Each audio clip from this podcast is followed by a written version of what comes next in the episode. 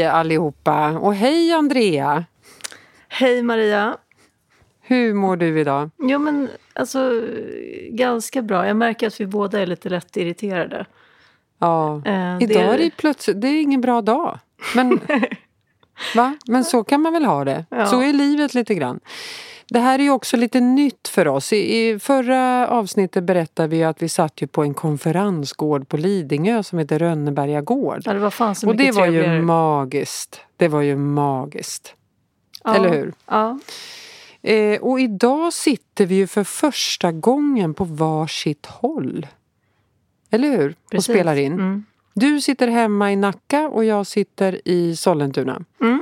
Precis. Och sen så, skulle vi, så sa vi det att nu följer vi upp lite grann det här med eh, åldersdiskriminering. För det är lite spännande att ja. vi har fått lite olika mejl och sådär också. faktiskt om det. det blev, Jag skulle säga så här att det blev en het potatis. Mm. Och det är ju det också. Vi, det, det pratas väldigt mycket om åldersdiskriminering i rekryteringsbranschen. Och vi mm. är alla lite förvånade att vi inte har kommit längre eh, än så 2020. Eller hur? Så vi ska liksom ta och knyta ihop säcken. Vi kände att vi var inte riktigt färdiga med, med ämnet. Och eh, när vi säger så här att, ja, men att man tycker att det är lite förlegat eller det känns så här, är det 2020? Då funderar jag lite på så här, vad är det du menar då? Ja men att man tittar så snävt på ett CV idag. Ja, och jag funderar lite så här, ja vad är det man... För liksom biologisk ålder eller så här, mental ålder. Ja. Det är så här, jag kan ju...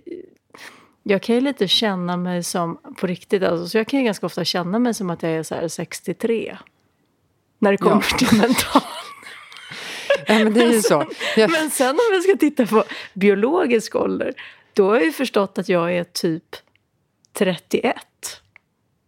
Ja. Det är ju fantastiskt. Någonstans snittet det... däremellan. Nu är jag är 46 då. Nej men du, jag tänker så här det här med ålder och om man är jag som då jobbar med rekrytering. Om jag skulle anställa en person till mitt företag så är ju ålder helt ointressant. Jag är ju ute efter en kompetens och en personlighet. Men varför är det ointressant? För vad säger det om kompetensen och personligheten?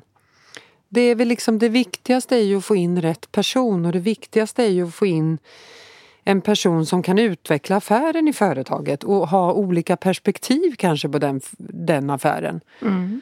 Och då upplever jag att är man 25 år och har haft två jobb innan, då kanske man inte har det perspektivet. Nej. Det kanske du har om du är 48 år och haft eh, åtta olika tjänster och varit eh, på olika bolag. Då kanske du har ett annat perspektiv. Mm. Och då tycker jag att det är lite synd att du blir bortsållad för att du är 48 år. Mm. Nej, men jag håller med. Så att det där är ju... Ja, det är lite snävt, eh, tycker jag. Ja, man får, man får precis. Och då får man som kandidat kanske, som vi sa förra gången, man får hitta lite andra vägar fram faktiskt. Alltså mm. till exempel genom att vara ganska duktig på att eh, sälja in hur man själv passar liksom rent personlighetsmässigt just till det företaget som man vill in på. För det är ju jätteviktigt. Ja. Och, så himla, och säger så himla mycket mer. Alltså mm. jag tänker just så här hur, hur våra värderingar eh, Värderingar kan ju verkligen kollidera med liksom en företagskultur och eh, företagets värderingar och sådär. Mm. Eh, det är och, jätteviktigt idag. Ja, och det kan eh. istället eh, bli hur bra som helst. Om man har mm. varit lite nyfiken och eh, tagit reda på både själv som kandidat men även som, som chef när man rekryterar så, så finns det ju väldigt mycket mer man kan göra än att uh, göra lite enkla test som man slänger sig med ibland kan jag tycka. Ja. Utan att det fyller en funktion. Nej, du det där är ju ett intressant ämne tycker jag. Jag har hört från, från flera kandidater att när man registrerar sig på ett rekryteringsföretag innan du får lägga upp ditt CV så ska du göra ett test. Och för mig känns det helt främmande. Och jag ställer mig lite frågande till vad är det du ska få fram? Alltså du, du, du söker ett jobb eh, men du får inte prata med en rekryterare eller en ansvarig chef. Du får ingen information utan du ska göra ett test innan du ens har hört om bolaget och Mm. om tjänsten. Vad, vad är det man vill få fram i det testet? Det är jag lite nyfiken på. Ja. Nej, ofta, så tror jag att det är, ja, ofta tror jag att det är att man tittar på ganska så här generalis, eh, alltså generella personlighetsdrag till exempel. Eh, Men eh, det är där jag tycker också att det blir ungefär lika snävt som att diskriminera på ålder. Därför att Ja. det säger inte speciellt mycket att du är lösningsorienterad, extrovert och eh, ja, jag vet inte. Alla det. Men, men det säger inte så mycket hur väl du fungerar i just det bolaget. Nej, och det här som den här kandidaten som jag pratade med som hade gjort det här testet, hon fick sen tillbaka Eh, inte något personligt från den här rekryteraren eller företaget utan bara ett mejl att eh, utefter att ha läst dina eh, testresultat så eh, blir du inte rätt för det här uppdraget. Och då blir man ju nyfiken. Vad är det i det testet som, som, som hon inte, eller han, inte får möjlighet att förklara? Det här går ju inte... Det finns väl inga sådana tester, känner jag, som kan... Nej, men allting det är ju så ett, liksom en effektivisering. Det är Jag ju tror faktiskt att det kommer fa- ganska, fabrik. Ja, men det är det. Jag tror det kommer ganska mycket från eh, när man gör så här massrekryteringar. Om du ska rekrytera in liksom Mm. 2000, alltså om du får 2000 ansökningar till flygvärdinnetjänst och du ska Ja. ta in 20 personer, 30-40 personer. Då Mm. kanske det kan vara relevant att man inte kan göra 10 000 snabbintervjuer. Ja, jag köper det. Eller ungdomar som söker Mm. jobb på Gröna Lund. De får också göra såna här tester innan de kan eh, börja. Och det, det köper jag också. Det är ungdomar och det är liksom det ska in med x antal hundra eh, medarbetare till sommaren. Men det här är ju liksom andra tjänster. Men det vi säger då någonstans det är egentligen att eh, det blir ganska viktigt att man vet, att, det att man vet vad det är man vill testa. Alltså när man ska, göra, Ja. när man ska kasta ut sådana här test. Och även Mm. i slutet av processer kan jag tycka också att man lite förenklar för sig ibland Mm. genom att... ehm, För det, det kan ju vara jättebra som underlag. Det är bättre att fråga dig Maria hur du jobbar själv med test. Nej, men vi jobbar absolut och erbjuder våra kunder tester. Det är inte jättemånga som, som eh, faktiskt nappar på det. Men vi har det som erbjudande och jag kan tycka att det kan vara ett komplement i en rekryteringsprocess. Precis. Men det, det kan inte ersätta en process utan det här är ju ett komplement. Att du kanske har, har två slutkandidater och, som har genomgått tre intervjuer och du ställer dig lite frågande att vem egentligen passar bäst och vem jag skulle vilja få fram vissa egenskaper. Ja, då skulle man ju kunna tänka sig att göra ett test. Men när vi gör test då skickar vi det till kandidaten och sen följer vi upp det. Du sitter ju en timme och går igenom de där testresultaten för att just hitta de här buggarna. Att du ligger lite lågt på det här. Känner du igen dig i det? Eller hur, hur ser du på det här att du låg högt här? Så att kandidater har en chans att få försvara sig. Man kan ju inte bli bortsållad för att testresultatet visade något.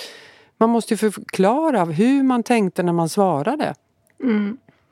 För att jag ska kunna förstå. Det, det tycker jag, det måste man ju kunna ge kandidaten. En ärlig chans att få förklara hur man... Jag har gjort många sådana där tester på olika jobb. Eh, och jag har alltid fått komma dit och, och berätta och då har det varit någon gång något som jag är jätte jätteförvånad att jag ligger lågt på till exempel. Men då när jag har förklarat hur jag tänkte att ja, men jag tittade ju när jag jobbade i min gamla roll på det här företaget och då utgick jag från att det var så och därför svarade jag utifrån det. Jaha, sa den här, ja men då förstår jag. Alltså man måste ju ha ett resonemang Mm. kring det.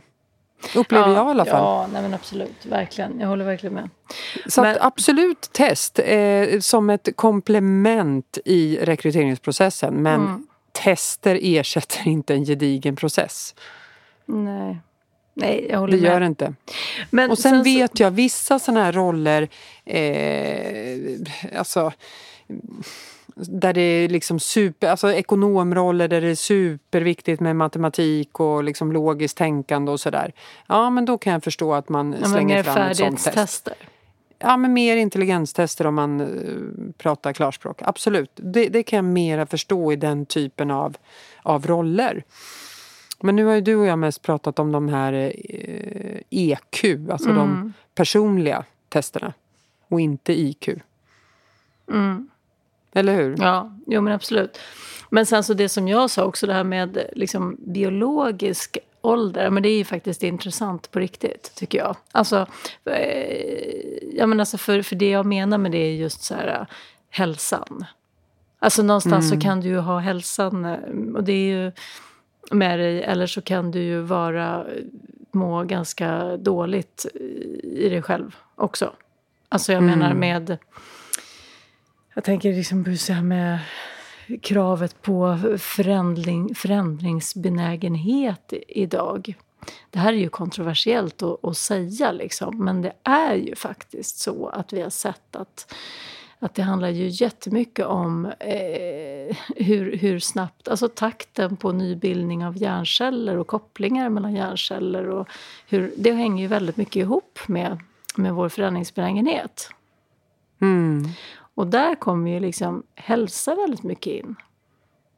Och med, mm. med hälsa så menar inte jag eh, storlek på kläder. Utan nej, med hälsa nej, så menar jag verkligen, just som jag säger, alltså hur vi mår rent fysiskt. och hur vi, alltså så. Eh, så att med, med, biologisk ålder. Med det menar jag att, mm. att eh, en 52-åring eh, kan vara ganska ung. Mm. Och en 28-åring kan vara ganska gammal. Verkligen. Alltså det är någonting som jag tror, som jag sa, det här är lite kontroversiellt sådär och det är svårt att, eh, ja, hur ska vi, hur ska vi bedöma det? Alltså så, det är mm. det som mm. blir lite svårt då. Men, men, eh, men återigen, bara så här, det är inte kanske rätt sätt att bedöma på CV utifrån personnummer. Nej. För det, det blir väldigt tokigt liksom. Men det finns det här med du nämnde lite, eller du pratade liksom om förändringsbenägen. Mm. Eh, det är ju mer en personlighets... Det är ju mera personligt än att ha med ålder att göra. Jag menar, det finns ju vissa mm, unga personer som, som inte alls klarar av... Alltså det har jag erfarenhet av i mitt jobb som inte alls trivs på, på såna här stora internationella eh, bolag. Där som det är trögrörliga liksom?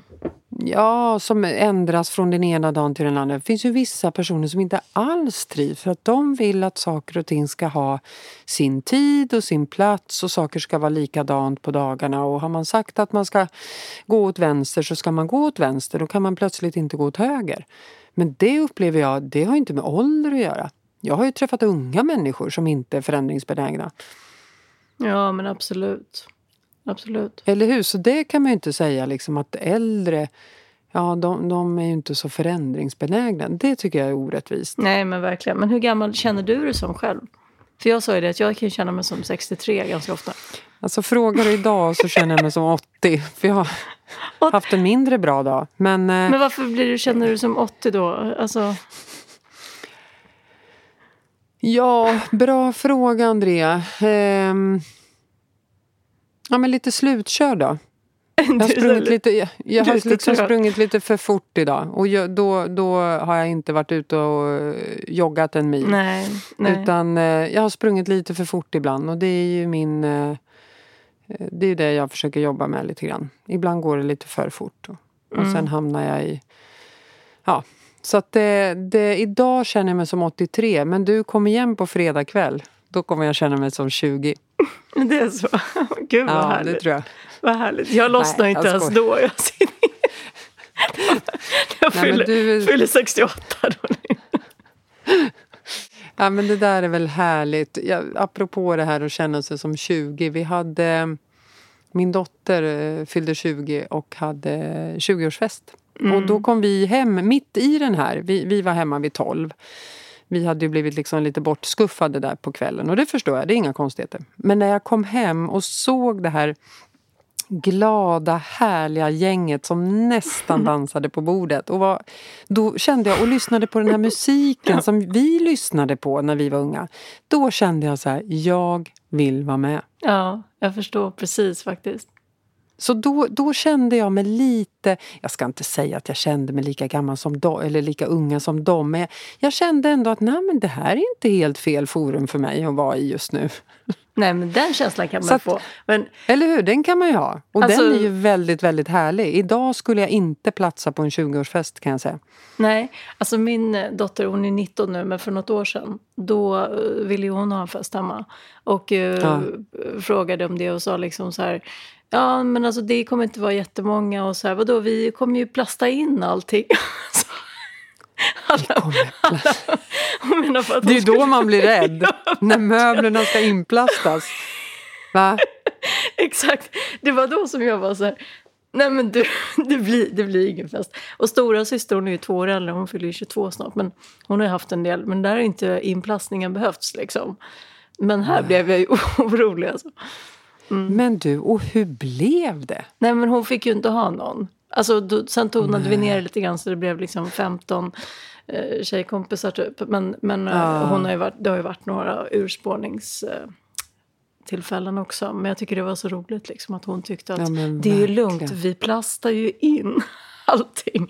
Ja, det är då man blir rädd på riktigt. Det, då blir man ju riktigt orolig för sina, sina saker i sitt hus. Ja.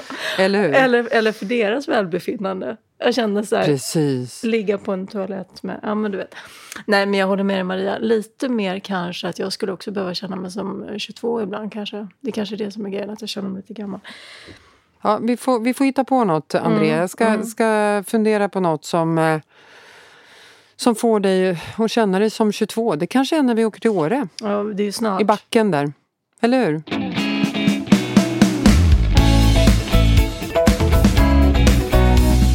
Men du, om vi ska lämna lite ålder, eller lämna, vi kommer ju tillbaka till ämnen hela tiden. Men, men jag är lite sugen på att prata om det här med personlighet. Mm. För att det är något som jag upplever blir allt mer viktigt när du söker jobb. Mm. Det, det här handlar ju om att matcha ihop två personligheter som ska jobba tillsammans. Alltså organisationen menar du? Ja, eller ta din chef eller vad det nu ska vara ja, om du ska jobba ja. väldigt nära den. Mm. Det är ju två personligheter som måste Dels som måste fungera och sen måste ju också din personlighet passa in i den här företagskulturen. Och det är där vi som rekryterar har liksom ett väldigt viktigt arbete och eh, det är viktigt att förklara vad det är för kultur på det här bolaget. För att du kan ha helt rätt kompetens, helt rätt erfarenhet och göra rätt i allt. Men du har fel personlighet. Eller fel. Din personlighet speglar inte företagets kultur. Ja, och då men... blir det krock. Och då är det ju, tänker jag också så här, vad det är som är personlighet. För där, jag sitter ju ofta och pratar med människor som... Eh, nej men alltså, man kan ju stressas ganska mycket av en miljö till exempel. Och ofta, mm. ofta det som blir det som kolliderar så är det ju ofta när det är värderingarna. Att det blir extremt stressande att någonstans inte... Eh, att det inte överensstämmer. Liksom. Att man går emot Nej. sig själv. Liksom, att ledarskapet till exempel är... är ja, men att man får vända ut och in på sig själv på något sätt för att passa in. Och, mm. uh, och det men du, det här vet ju Ja, verkligen. Men det här kan ju du som ett rinnande vatten. Men jag tänker så här, de här personerna... För du träffar ju många som, som är uh, utmattade mm. och utbrända. Mm. Och av olika anledningar. Och då är jag lite nyfiken på, är det...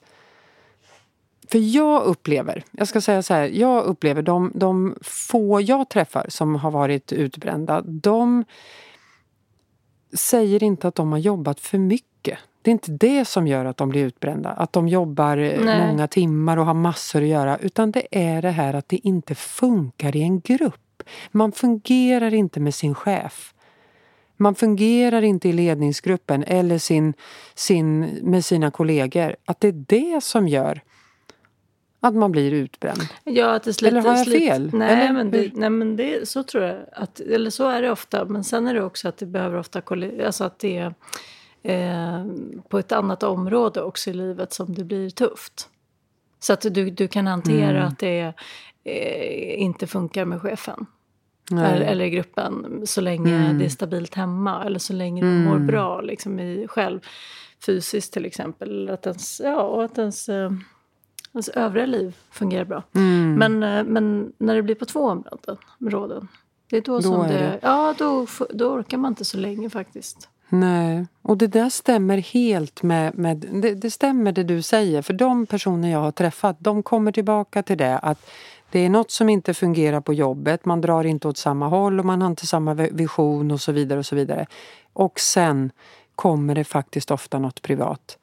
Att jag har ett barn som har, eh, behöver extra stöd eller har fått en diagnos Precis. eller det är skilsmässa eller hälsa. Du har helt rätt i det. Att mm. det, det, är ofta ihopkopplat kanske med någonting annat. Mm. Det liksom rinner över. Man kan klara av ena eh, delen men sen kommer det en till smäll. Då, då, då Nej, faller men, man ihop. Ja, men precis. Och jag tycker att jag, jag pratar med ganska seniora personer ju, som, mm. som ställer sig frågan vad som har förändrats de senaste åren. För det är många som upplever att de har blivit sämre själva på att skapa bra förutsättningar för sig själva. Eh, och till exempel där du säger med att man söker jobb och liksom när personlighet ska matcha in i liksom företagskulturen eller om det är ett uppdrag eller sådär. Men det där mm. det är ju faktiskt det som, som det handlar om. Att skapa förutsättningar för sig själv handlar ju om att, att eh, fråga, alltså ställa tillräckligt mycket frågor för att få reda på hur det är. Mm. Och att också kunna formulera själv eh, när man kommer till sin rätt och, och sådär. Och vad mm. som blir tufft för en och vad man inte trivs med och sådär. Ja, där är ju ett jättebra tips är ju faktiskt att intervjua de som faktiskt jobbar där. Mm, ja, absolut. Och kunna ställa de här frågorna. Det mm. gör ju vi ibland, vi på Insight Competence, när vi rekryterar och, och, och, har ett nytt företag som vi ska, ska hjälpa. Mm. Då säger vi ofta att vi skulle väldigt gärna vilja komma till er Eh, och faktiskt kanske träffa några ur det här teamet för att skapa oss en uppfattning. Så att vi kan försöka bilda oss en, en, skapa oss en bild av den här företagskulturen så vi sen kan förmedla den till kandidaten som får ta ställning sen att är det en kultur som jag vill vara i eller är det inte? Idag är det ju lite annorlunda om man nu tittar ur ett kandidatperspektiv eh, så, som jag gärna gör. så, så och har mest erfarenhet av så är det ju ett helt annat, annat sätt att söka jobb på idag. Än vad det var för 20 år sedan. Ja, hur då? Nej men alltså här handlar det om relationer, kontakter och det personliga mötet och så vidare. Ett CV är... Ja. Jag ska inte alls säga att det är förleget för jag tittar på massor med CV. Det är inte alls det jag menar men det är för vissa roller blir det mer sekundärt än det personliga. Ja, men ganska många skulle jag säga. Nej, men därför att, och enkelt sett så är det ju det där att det egentligen det är ganska mycket som du kan, kan lära dig om du är mm. tillräckligt ambitiös. Uh, ja, I alla fall. Och driven inom, och ja, absolut. inom vissa yrkesroller i alla fall. Sådär. När jag rekryterar till mitt företag då går jag, alltså jag har ju inte rekryterat egentligen någon som har jobbat med rekrytering tidigare. Det vill säga har kompetensen inom det här området. Nej. Det är ingen av, av de som jobbar hos mig som har jobbat som rekryterare tidigare. Nej. Utan jag rekryterar ju på personlighet. Du är rätt person, du är rätt driv, du kommer kunna skapa business. Du kommer kunna handskas med kandidater och du kommer driva det här bolaget framåt. Mm. Så jag är ett levande exempel faktiskt på att inte stirra mig blind på att... Alltså för mig är det så här, har du jobbat på en annan rekryteringsfirma i fyra år? För mig är inte det liksom... Den kandidaten blir inte bättre bara därför menar jag. Nej, nej, Utan det handlar ju om så. Och sen att den blir lite... Det blir inte så lång inlärningsprocess, absolut. Eh, så. Den kommer ju snabbare in i arbetet men eh, man jobbar ju långsiktigt och då, då spelar det ingen roll att det tar lite längre tid för rätt person. Nej, men idag så är det ju sådär också att man har, det finns ju, det är lika många väldigt unga människor som har ganska stressrelaterad ohälsa. Till exempel. Mm. Mm. Eh, och det också säger ju någonting. För att eh, eh, det är också en yngre generation som är ganska duktiga på att få jobb där de får möjlighet att utvecklas. Det vill säga att man är mm. duktig på att mm. sälja in sig. Sådär. Men, men, men sen så om man inte har tillräckligt mycket erfarenhet eller kanske inte har varit i flera olika miljöer och sådär innan så man inte vet hur man... Ja, men, man vet egentligen vad man stressas av. Så är det lätt att, att man börjar må dåligt. Bara tillbaka mm. lite till det här med åldersdiskriminering. Att det, det, där är också ett sånt där som faktiskt är personlighetsrelaterat. Också väldigt kopplat mm. till vad man passar i för miljö.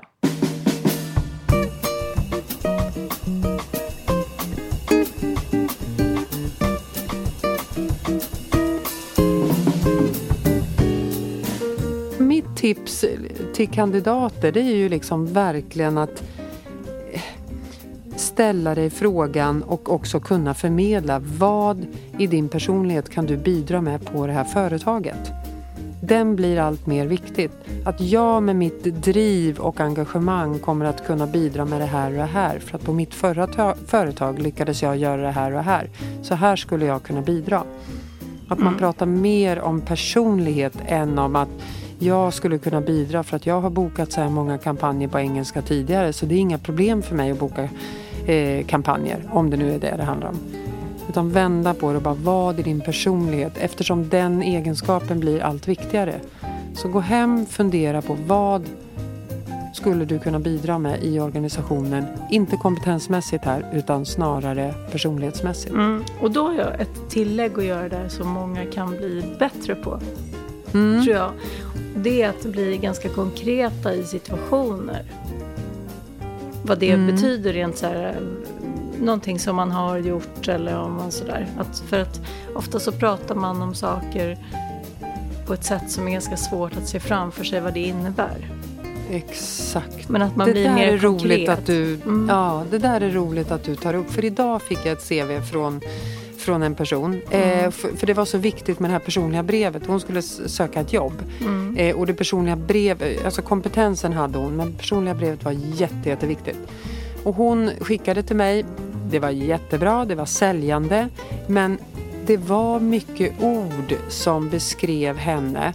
Mm. Eh, att hon är van att jobba i ett sånt här tempo. Hon är van att lyssna på kunden, hålla budget, eh, driv, drivenhet. Eh, eh, kreativitet. Och då sa jag precis till henne att berätta, ta ett exempel när du har visat din kreativitet. Mm. Ta ett exempel på när du visade extra lyhördhet mot en kund. Alltså så att man skriver det. Jag, jag är väldigt lyhörd och framförallt ut mot kund. Eh, till exempel eh, i mitt förra jobb så gjorde jag det här i den här situationen. Att mm. man kan sätta... Att man kan beskriva Mm. De här eh, egenskaperna. Det är viktigt. För att de här flosklerna och ha många bollar i luften. Det är ju, vad betyder det? Nej. Vad är det? Du måste, ju, du måste ju tala om vad det betyder. Du måste beskriva när du har varit med i en situation, när du har varit i en situation där du har verkligen haft många bollar i luften.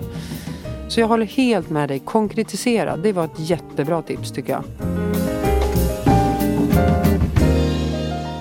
Ska vi kanske avrunda där ja. med det tipset? Ja, och jag då säger ju som, som till, till ledare så är mitt tips ja. att när man ska rekrytera så mm.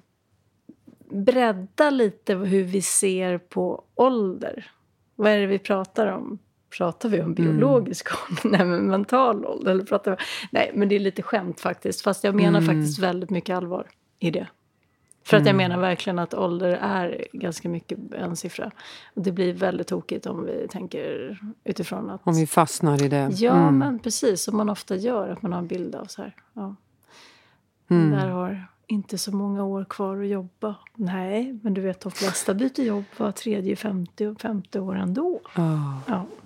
Nej, men absolut. Jag tycker att vi... Eh, jag tycker ser fram emot en annan dag. Imorgon. Ja. Eller hur? Imorgon kommer jag inte vara 80 år när jag vaknar. Nej. Någonstans mellan 30 och 40 kanske? Ja, eller? gud vad härligt. Det vore skönt. Ja. Du, då tar vi och eh, säger hej och tack för att ni har lyssnat. Och så hoppas vi att ni lyssnar nästa måndag. Tack Maria. Hej hej.